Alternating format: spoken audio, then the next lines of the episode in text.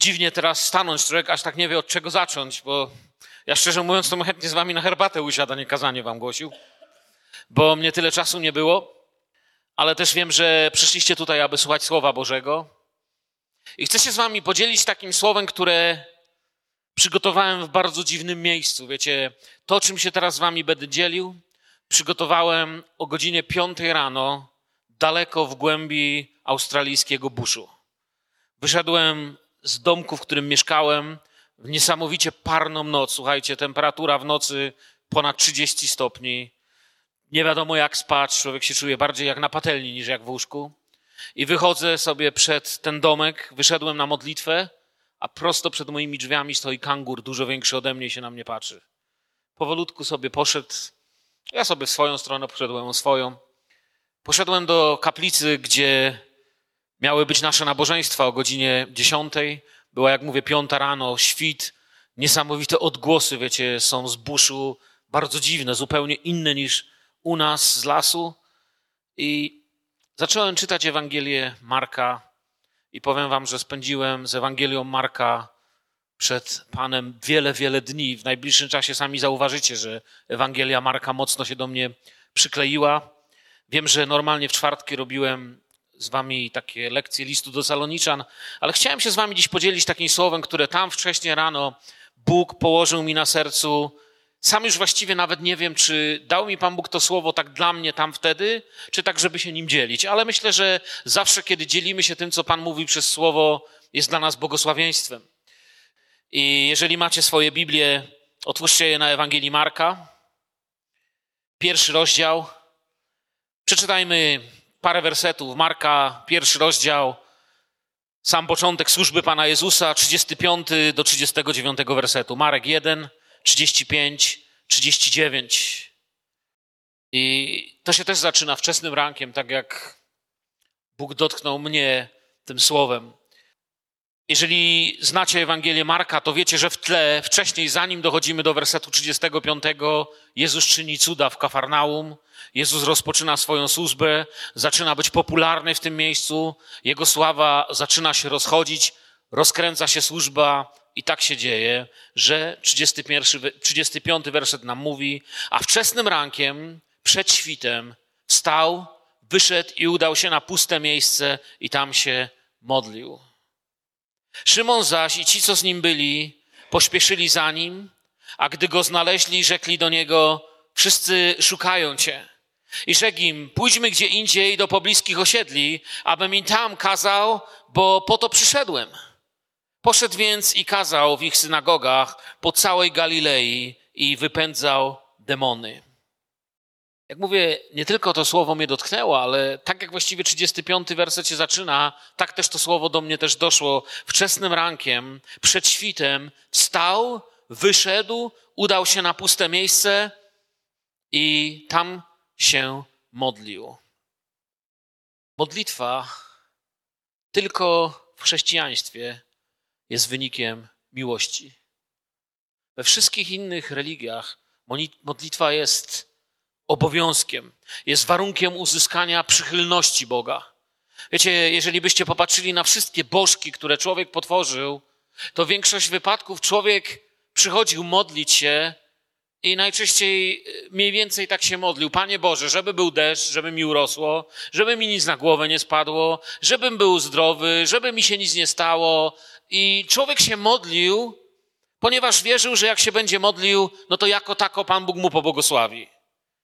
A tylko w chrześcijaństwie, w prawdziwym, biblijnym chrześcijaństwie, modlitwa jest wynikiem miłości. Jezus wstał nie dlatego, że potrzebował, żeby mu ojciec błogosławił. Jezus nie dlatego wstał, bo potrzebował, żeby go ojciec kochał, bo ojciec zawsze miłuje syna. Nie dlatego, żeby coś uzyskać, ale z miłości wstał. Po prostu z miłości wstał i poszedł się modlił, bo poszedł się modlić. Kiedy wraca z tej modlitwy, przeczytaliśmy o tym w tekście, Jezus już wie, czego chce od niego ojciec. Zaraz to zobaczycie, ale spotyka się z ludźmi i ludzie też mają plan. I to jest to, co się dzieje, kiedy wracamy z modlitwy. Kiedy spędzałem sobie czas w oddzieleniu na modlitwie, zaczynałem przyjmować od Pana, zaczynałem poszukiwać, co w Bożym sercu jest dla mnie, czego Bóg chce, abym robił. I zobaczyłem, że jedną z rzeczy, które się przydarzyły Jezusowi, że im więcej Pan się modlił, im więcej Pan się oddzielał, tym bardziej ludzie próbowali mu mówić, co on ma robić i dokąd ma pójść. Bo mniej więcej o tym jest ten fragment. Ale do tego dojdę za chwilę. Chcę Wam powiedzieć w ten sposób, jeżeli masz problemy z tym, jak się modlić, bo my się przyzwyczailiśmy, że kiedy kaznodzieja mówi, że trzeba się modlić, no to wszyscy robimy pobożną minę i kiwamy głową, tak, trzeba się modlić, amen, bracie, modlimy się. Ale wielu z nas właściwie trochę nie wie nawet, jak się modlić. Wielu z nas się troszkę pogubiło się tak w tym i, i tak mówimy, no bo co, no przecież w kościele nikt nie powie, nie mucie, prawda? Ale czasami tak nie bardzo wiemy, wiecie, co, co z tym modlitewnym życiem zrobić. Chcę Wam powiedzieć jedną ważną rzecz. Jeśli nie wiesz, jak się modlić, możesz to znaleźć. Jeśli nie wiesz, jak się modlić, nie musisz się oskarżać. Jeśli nie przyjdziesz do Pana na modlitwę, to nie jest tak, że jeśli się nie będziesz modlił, to Bóg cię przestanie kochać. Modlitwa nie jest warunkiem Bożej miłości. Jeśli się nie będziesz modlił, nie będziesz miał relacji z tym, kto cię kocha, ale nie utracisz Jego miłości. Wiecie, religia próbuje ludziom powiedzieć, jak się nie będziesz modlił, to i cała lista tego strasznych rzeczy, co ci się przydarzą. I niektóre z nich mogą być nawet prawdą. Ale jedną z ważniejszych rzeczy, którą zaczynam widzieć, Bóg zawsze was będzie miłował, to tylko my bardziej potrzebujemy relacji z Nim, bo jeśli nie będę się modlił, to ja nie będę miał dostępu do tego, który mnie kocha. Ta miłość, którą do mnie ma Bóg, jakby nigdy nie przepłynie do mnie, jakby nigdy jej nie otrzymam. Boga można zranić, można zasmucić, ale Pana Boga nie da się do siebie zrazić. Nie da się sprawić, żeby Bóg spojrzał na ciebie i powiedział: Wiesz co, tak sobie patrzę na ciebie, ja nie wiem właściwie, czy cię kocham, czy cię nie kocham. Tego się nie da zrobić. Bóg pokazał, co o tobie myśli, co myśli o mnie, kiedy popatrzymy na Golgotę. Miłość nie trzeba zmuszać do kontaktu. Kiedy między ludźmi jest miłość, to nie ma przymusu kontaktu. Wiecie, kiedy ja czuję na przykład, kocham moją żonę, kocham moje dzieci, kiedy dzisiaj przyjechałem, to mój syn, moja córeczka, moja żona, kiedy się widzimy po takim czasie, oni nie przychodzą, mówią, o, znowu przyjechał tata. Tata, nie mógłbyś sobie gdzieś jeszcze na miesiąc pojechać. Nie ma czegoś takiego, to jest miłość. My się cieszymy, że się widzimy. Miłość nie zmusza się do kontaktu. Miłość biegnie, miłość wpada w ramiona. Byliście kiedyś zakochani? Byliście czy nie? Wszyscy robią takie miny teraz. Nie, ja chyba nie. Kiedyś dawno temu. No, że... Nie jesteśmy powołani, żeby być kustoszami, tylko szafarzami. Nie no, czasami tak bywa, że człowiek się zastanawia w kościele, czy jest kustoszem, czy pastorem. Wiecie, kto jest kustosz? To jest taki, co się muzeum zajmuje, co tam wyciera z kurzu rzeczy w muzeum, pilnuje, żeby wszystko na swoim miejscu stało. Miłość nie zmusza się do kontaktu. Miłość biegnie, wpada ramiona i wiecie, ja wiem, że życie modlitewne to jest cały temat i nie o tym chcę dzisiaj mówić, ale inaczej na relacje, na spotkanie ze sobą patrzą zakochani, a inaczej zmuszani. Zgadzacie się ze mną? Inaczej się patrzy na relacje, kiedy się jest zakochanym, kiedy się biegnie, a inaczej, kiedy się jest zmuszanym. Kto z was nie był zakochany, niech sobie popatrzy na zakochanych. Sami zobaczcie, spróbujcie im zabrać możliwość spotkania się. Gdyby zapytać nas, co jest największym osiągnięciem w życiu człowieka z Bogiem, to wiecie, bardzo często może najpierw byśmy pomyśleli, że prorokowanie, cuda, nie wiadomo co jeszcze, ale modląc się tamtego poranku, patrząc w to słowo, zrozumiałem, że moim największym osiągnięciem w życiu z Bogiem jest możliwość mówienia do Niego, zrozumienia, że Bóg mnie kocha i chce mnie słyszeć, kiedy przed Nim staję. Słyszycie to, co mówię? Teraz, tu gdzie jesteś, Twoją myślą, Twoim sercem możesz szeptać do Pana. A Duch Święty chce Ci odpowiedzieć: Słyszę Cię, chcę z Tobą chodzić, chcę być blisko Ciebie, kocham Ciebie, chcę odpowiadać. To się nazywa życie duchowe, życie modlitewne. To jest co innego niż chodzenie na nabożeństwo, to jest co innego niż ile lat jesteśmy w kościele, to jest co innego niż czy znamy teologię, czy nie znamy. To jest miłość. I myślę, że gdyby nas zapytać, to największym osiągnięciem jest modlitwa.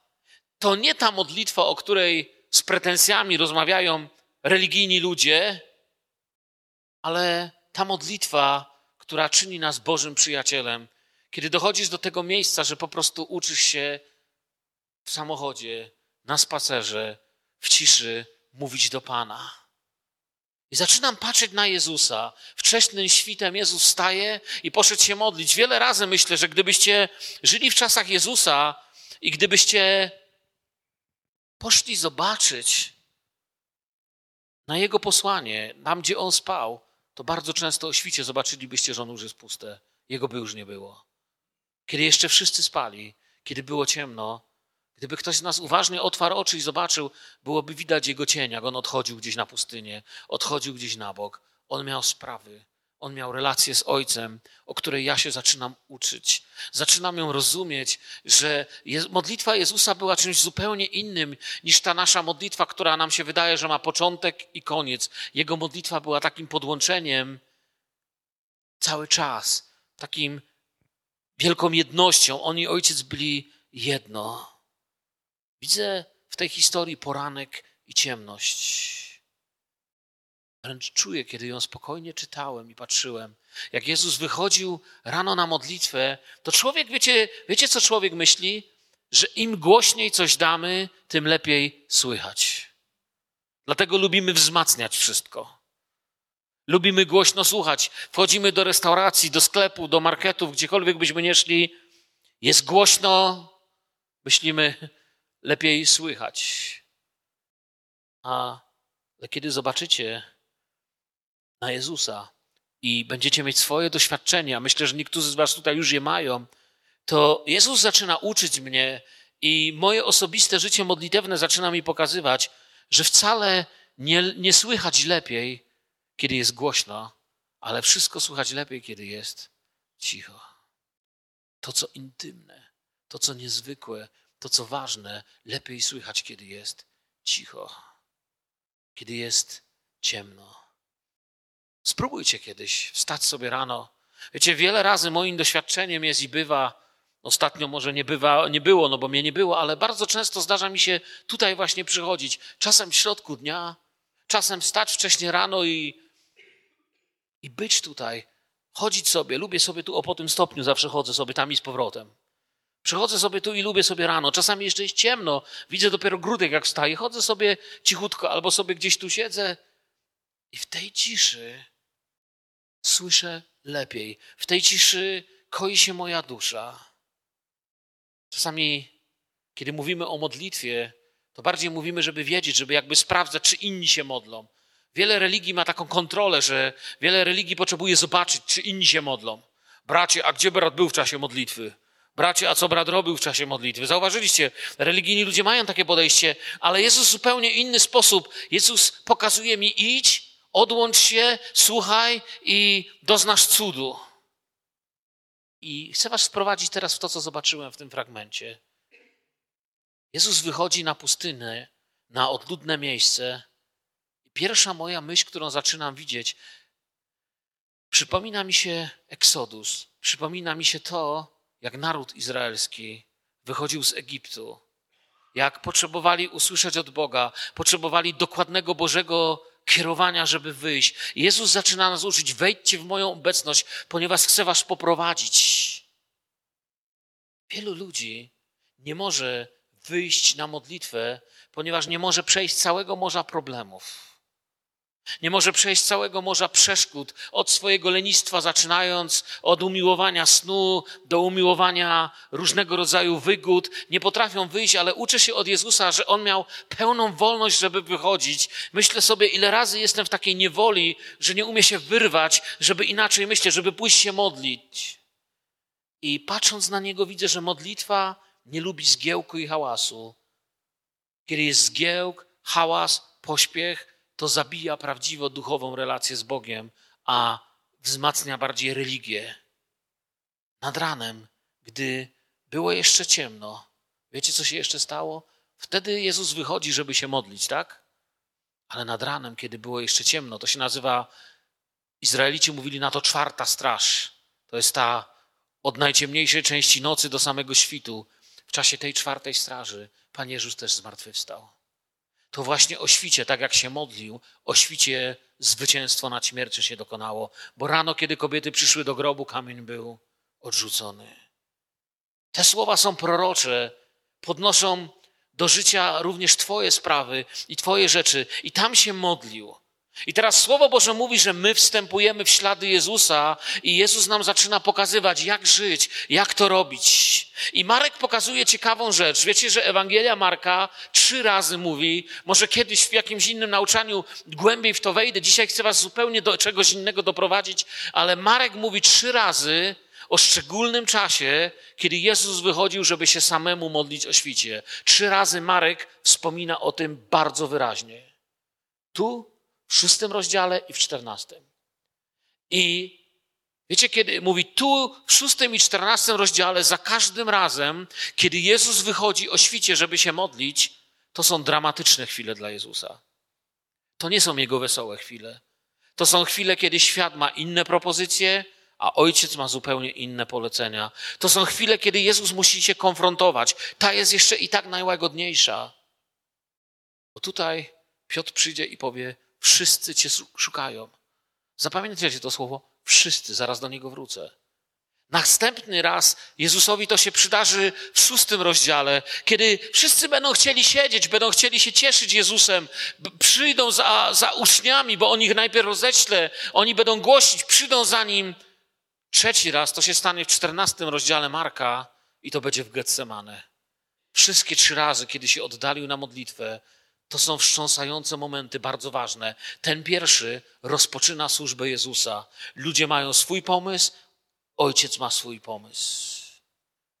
Widzę biblijną modlitwę tutaj. Jest ufności, przyjaźni, w bliskości z Bogiem. Dlatego, wiecie, często się mówi, że modlitwa jest rozmową z Bogiem. Religia się zadowala, żeby modlitwa była monologiem. Wiecie, co to jest monolog i dialog? Monolog polega na tym, co teraz mamy. Ja mówię, Wysłuchacie. No i nazywamy to kazanie. Chwała Bogu, tak ma być, taki jest porządek, tak? Ale dialog polega na tym, że ja mówię, ty słuchasz, potem ty mówisz, ja słucham. Znowu ja odpowiadam, ty słuchasz, potem ja słucham. I tym jest modlitwa. To jest to miejsce, do którego chce Bóg nas doprowadzić. Taka była modlitwa Jezusa. Jezus nigdy nie wrócił z modlitwy i nie powiedział, ale się fajnie pomodliłem. Tylko zwróćcie uwagę, wszystkie razy, kiedy Jezus wrócił z modlitwy, wziął coś od Ojca i nabierał kierunku. Tutaj, aby mieć odpowiedź na to, co krzyknie do niego za chwilę Piotr: Panie, wszyscy Ciebie szukają. W czternastym rozdziale, w drugą skrajność, kiedy potrzebował wziąć posilenie, Ojcze, nie moja, ale Twoja wola niech się dzieje. Biblijna modlitwa jest takiej ufności, przyjaźni z Bogiem. Dlatego właśnie jest dialogiem, dlatego potrzebuje ciszy. I teraz popatrzcie, bo ciągle was jakby troszeczkę przydługawym wstępem chcę do czegoś doprowadzić, by kiedy zaczniecie czytać Marka, gdy kiedy wrócę do niego, myślę, że w niedzielę już bardzo szybko będę chciał wrócić do Ewangelii Marka, chciałbym, byście byli jakby tak wprowadzeni trochę dalej. Szymon zaś i ci, co z nim byli, pośpieszyli za nim. A gdy go znaleźli, rzekli do niego: Wszyscy cię szukają. Wyobraźcie sobie, kiedy człowiek przychodzi i mówią ci, że wszyscy ciebie szukają, no to wszyscy trochę tak podnosi nasze co? Nasze ja. Szymon i inni poszli jego śladami. To jest pierwsza rzecz, którą tutaj czytam. Szymon zaś i ci, co szli, i ci zaś, Szymon zaś i ci, co z nim byli, pośpieszyli za nim. Za nim to znaczy w jego ślady. Poszli jego śladami za nim, ale to jeszcze nie jest naśladowanie Jezusa. Tu jeszcze chodzą za Jezusem i widzą swoje potrzeby.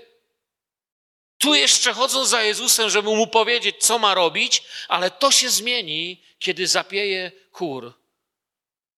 Kiedy Piotr pójdzie, zaprze się, zapieje kogut i nareszcie wtedy Piotr zacznie chodzić za Jezusem. Tak, jak my powinniśmy to zrozumieć, żeby chodzić za Jezusem i widzieć to, co widzi Ojciec, a nie widzieć nasze potrzeby. Panie, idziemy za Tobą, mówią tutaj. To jest niezwykły werset. Idziemy, żeby ci powiedzieć, co masz zrobić. Jezus wraca z modlitwy. Był z ojcem, czy nie był z ojcem na modlitwie? Był. Wziął coś od ojca? Wziął. Jest napełniony, jest. A ludzie mają pomysł teraz, jak to zużyć. Trochę na zasadzie jak tata, który wraca z wypłatą, a dzieci mu mówią, mamy pomysł na twoją wypłatę. Po co płacić rachunki? Po co wydawać rzeczy? Choć kupimy za wszystkie pieniądze dużo słodyczy, albo kupimy sobie nowy komputer. I nieważne, co będzie jutro. Oni trochę na tej zasadzie, panie, wszyscy ciebie szukają. Przyszliśmy tu, żeby ci powiedzieć, co masz zrobić. To jest niesamowite. Zrobiłeś nowe rzeczy w Kafarnaum, zrobiłeś cuda, a teraz wszyscy ciebie szukają. Jezus wiedział, co oni mu chcą powiedzieć. Oni mu chcą powiedzieć, co ma robić teraz. Wszyscy cię szukają, chodź do nas. Fajne cuda zrobiłeś. Tu uzdrowiłeś, tam jakiś cud, tu tam jakiś cud. Od Betlejem aż do Golgoty widać coraz bardziej różnicę między myśleniem ziemskim i niebiańskim. Kiedy oni do niego mówią, wszyscy Ciebie szukają, to Ciebie to jest takie podkreślenie dla, dla tego jego ja. Panie, czujesz to? Wszyscy Ciebie szukają. I to jest pierwsza teraz rzecz, lekcja numer jeden z dzisiejszego słowa. Jezus nie był zainteresowany tym, czego szukają wszyscy. Jezus powiedział: Wszystko, co mówię, co robię, czym jestem, niczego nie powiedziałem, niczego nie zrobiłem, czego bym nie wziął od Ojca. Jezus nie był zainteresowany osobistym sukcesem, i to jest jego pierwsza lekcja. Jezus chce dzisiaj Ci powiedzieć: Chciałbym dać Ci wolność. Nie musisz wypełnić woli wszystkich ludzi dla Twojego życia. Wypełnij wolę Ojca dla Twojego życia. Wola Ojca jest dobra dla Ciebie dobra dla ludzi, którzy je otaczają. Ojciec nie skrzywdzi ludzi, którzy cię otaczają. Ojciec nie skrzywdzi twoich dzieci, bo też jest ojcem. Ojciec nie skrzywdzi twojego życia, chociaż może jego wola będzie wyglądała tak inaczej, że będzie ci się wydawało, że moment, że nie będzie to do końca tym, co szukają wszyscy, ale widzę to tutaj po Jezusie, w moim nauczycielu. Dzisiaj widzę przykład.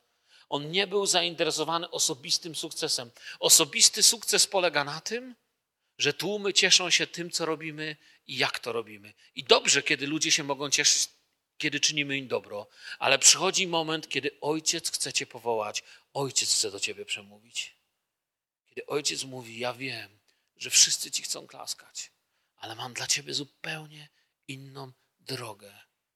I tak on rozmawiał ze swoim ojcem. Jezus nie był zainteresowany tym, co chcą wszyscy, nawet w dobrym celu. To, to nasze czasami, wiecie, my tak omijamy czasami wolę Bożą w dobrym celu. Jezus nie był tym zainteresowany. Jezus nie spojrzał na Piotra i nie powiedział: Hmm, no jak wszyscy, to co innego. Bo w gruncie rzeczy na modlitwie wziąłem od ojca inne przykazania, no ale wtedy ojciec ani ja nie wiedzieliśmy, że wszyscy nas szukają, tak? Nie, on wie. On wie. Bóg nie jest kimś, kogo można zaćmić, że nie wiedział. A więc lekcja numer jeden. Wola Boża dla Twojego życia niekoniecznie jest tym, co szukają wszyscy. Ostrzeżenie numer jeden do tego, co mówię. Robienie wbrew ludziom tego, co chcieliby od nas, tylko dlatego, że chcemy zrobić inaczej niż oni, nie jest tym samym niż robienie wbrew, niż czynienie wbrew ludziom woli Bożej. Jest różnica między upartym i złośliwym, a kierowanym Duchem Świętym człowiekiem. Jezus nie był uparty ani złośliwy, ale Jezus wiedział, co od Ojca wziął. I nie mówi, a jak wszyscy to co innego. Nie, wola Boża nie jest tym, co są wszyscy. Wiecie, chrześcijaństwo nie jest czynieniem, i to myślę jest lekcja numer dwa, którą chcę Wam dziś powiedzieć. Chrześcijaństwo nie jest robieniem z Pana Boga dodatku do naszego życia. Moje coraz większe pragnienie jest, chcę być w ciszy i w pokoju prowadzony Duchem Świętym, a Wy? O to chciałbym się dziś z Wami modlić.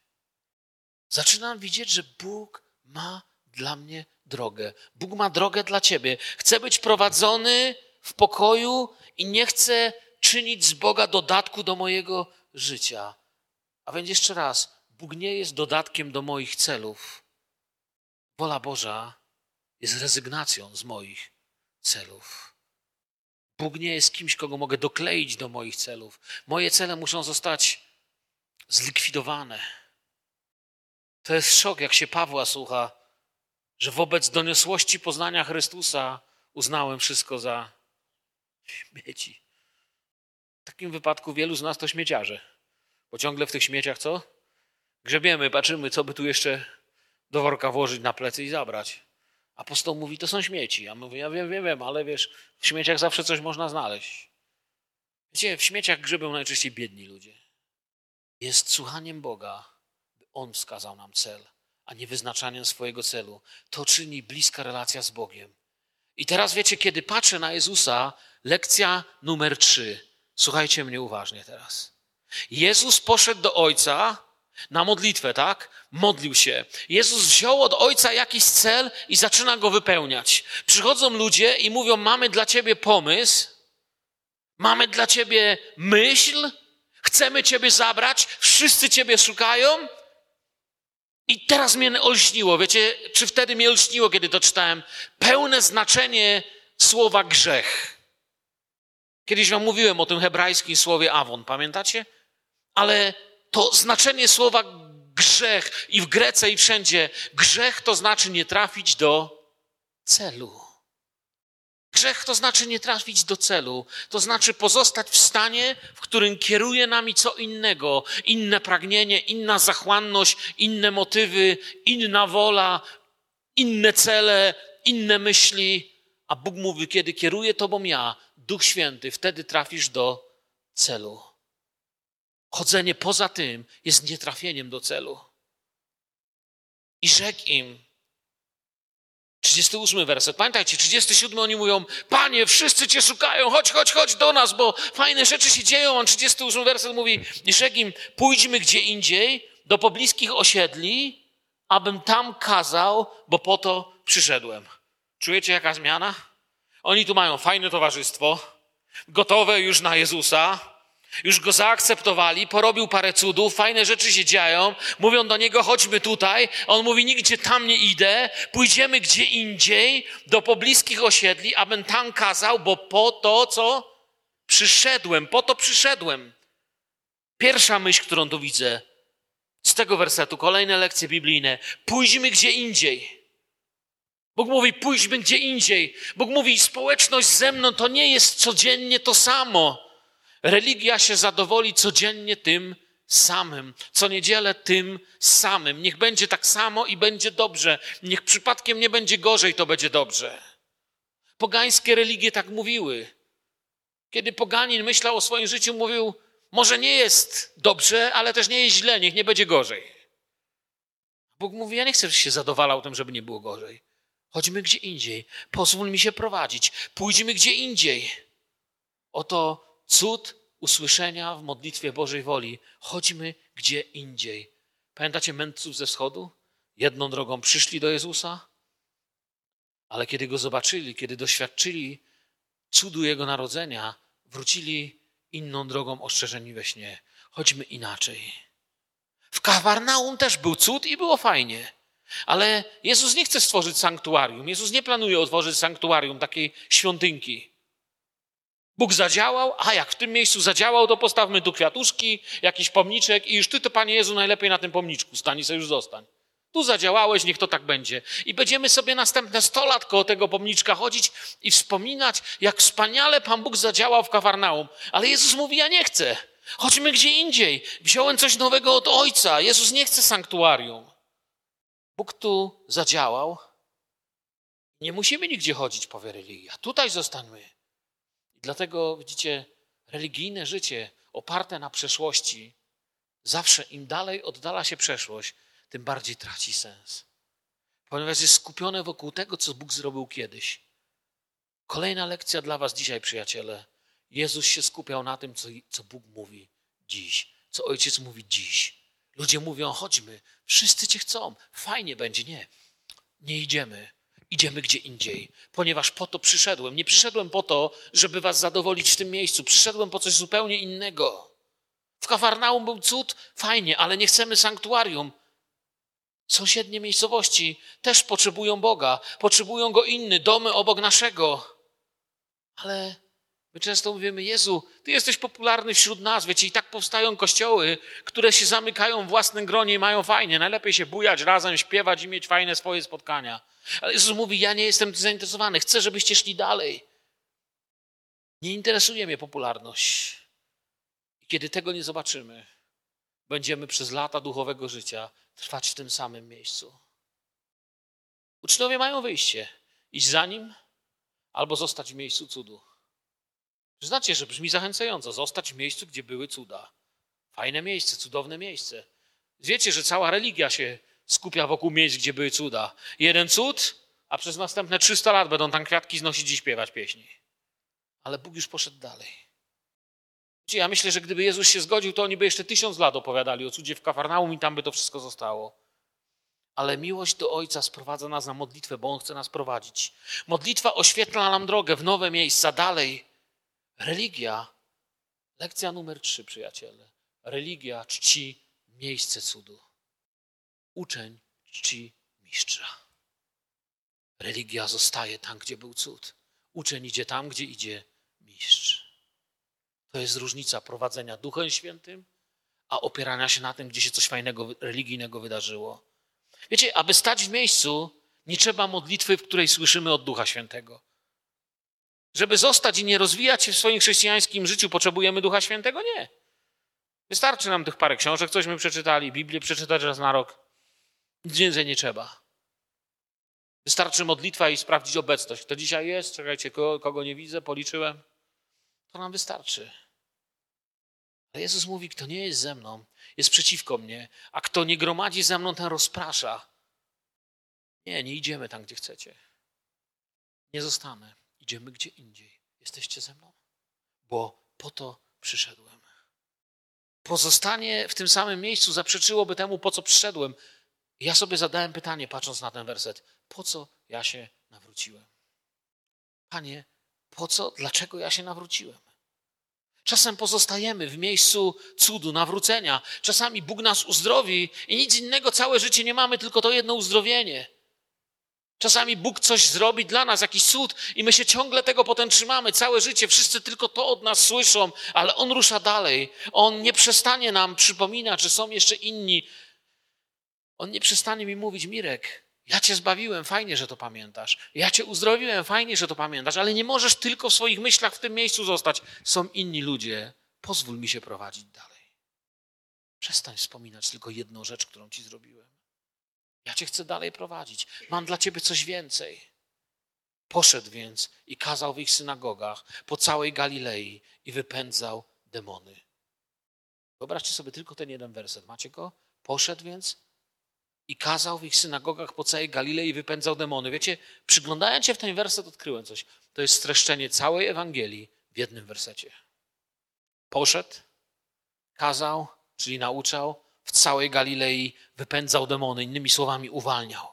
Głoszenie noszące wolność. Chodził, aż doszedł do nas. Chodził, aż doszedł do ciebie i do mnie.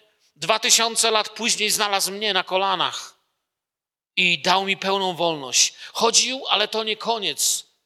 Kiedy wchodzimy do wody chrztu, to żaden kaznodzieja, żaden pastor, żaden brat, który nas chrzci, nie mówi, no, drogi człowieku w białych szadach, wchodź do wody, ochrzczę się, no i koniec przygody z Bogiem. Teraz to chodź do kościoła i czekaj, już umrzesz. Nie. To wręcz na odwrót mówi, człowieku, to jest dopiero początek. To tak, jakby ktoś przyjmował dziecko do pierwszej klasy i mówi, kolego, no to teraz już tylko umrzeć, dostałeś się do szkoły. Nie, właśnie się po to dostałem, żeby się w niej dopiero uczyć. Wolność, którą Pan mi pokazuje tu. Wolność, by modlić się, służyć, iść, by iść w Jego ślady i wziąć od Ojca. Niekoniecznie nasłuchiwać, gdzie wszyscy biegną, gdzie wszyscy patrzą, ale wiedzieć, czego Bóg chce. Wolność, żeby naprawdę żyć szczęśliwym życiem. Pierwszy cud Jezusa. Tam w Kafarnaum wystarczył, by Jezus znalazł się w muzeum, ale Jezus nie chciał iść do muzeum. Jezus chciał dotrzeć do naszych serc. Ja też nie chcę iść do muzeum. Nie chcę, żeby moje życie zostało życiem z jednym świadectwem. Byłem grzesznikiem, nawróciłem się, koniec. No teraz już jakoś do, do śmierci dotrwać. Powoli kończąc ten wykład. Nie ja, nie inni. Bóg jest dla ciebie odpowiedzią. Popatrz jeszcze raz na Pana w tych czterech wersetach, które przeczytałem. Kiedy spędził czas na modlitwie i wracał z modlitwy, świat mu chciał powiedzieć: Panie, wszyscy czekają, chodź. Ale on powiedział: Nie, nie, nie, nie, idziemy gdzie indziej. I wiecie, co się stanie? Kiedy będziemy dalej studiować Ewangelię Marka, zobaczycie, Jezus pójdzie dalej, uzdrowi trędowatego, podniesie chorych, uzdrowi człowiekowi rękę, rozpocznie głoszenie, które zacznie wstrząsać światem, rozpocznie głoszenie, które poruszy wszystko. Kiedy On tam o świcie się modlił i brał od Ojca, wiecie, co uczniowie w tym czasie robili? Chrapali jeszcze głośno i spali. Kiedy On wraca z modlitwy, oni mu chcą mówić, co On ma robić, ale on mówi: Nie, idziemy gdzie indziej. To jest moja lekcja dzisiaj dla Was.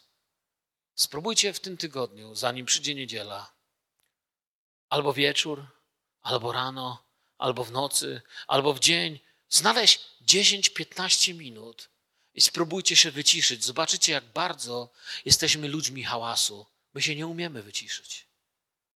Ale spróbujcie.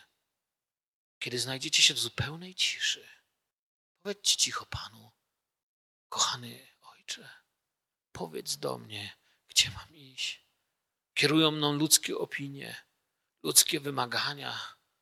Ludzie mnie ciągle gdzieś popychają. Każdy mówi, co mam robić. Tak bardzo chciałbym wejść na Twoją drogę, gdzie spotka mnie wspaniały cud bycia użytym przez Ciebie dla chwały Królestwa Bożego i dla pożytku ludzi.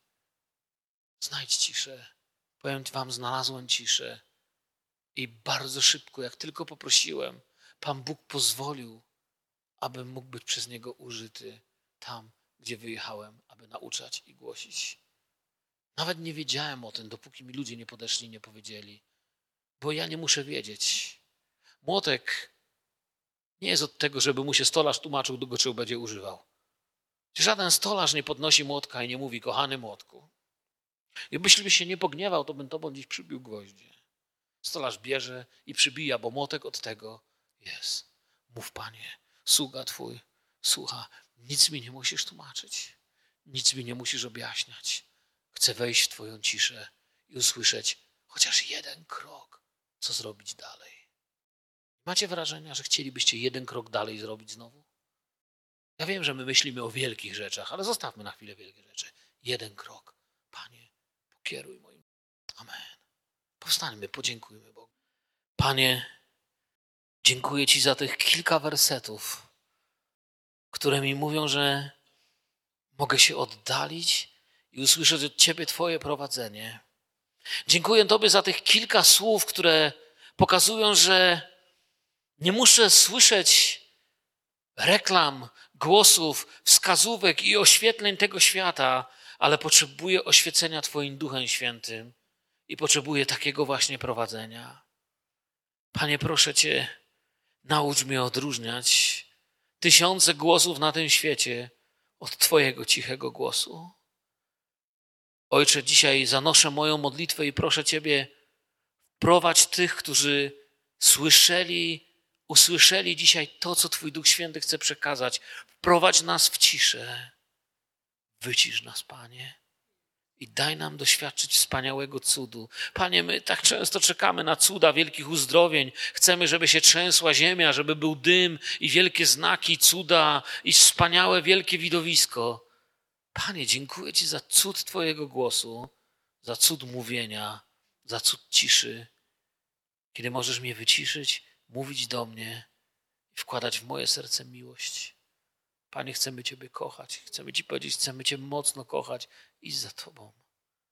Błogosław dzisiaj nas w ten wieczór cudem ciszy i słyszenia Ducha Świętego.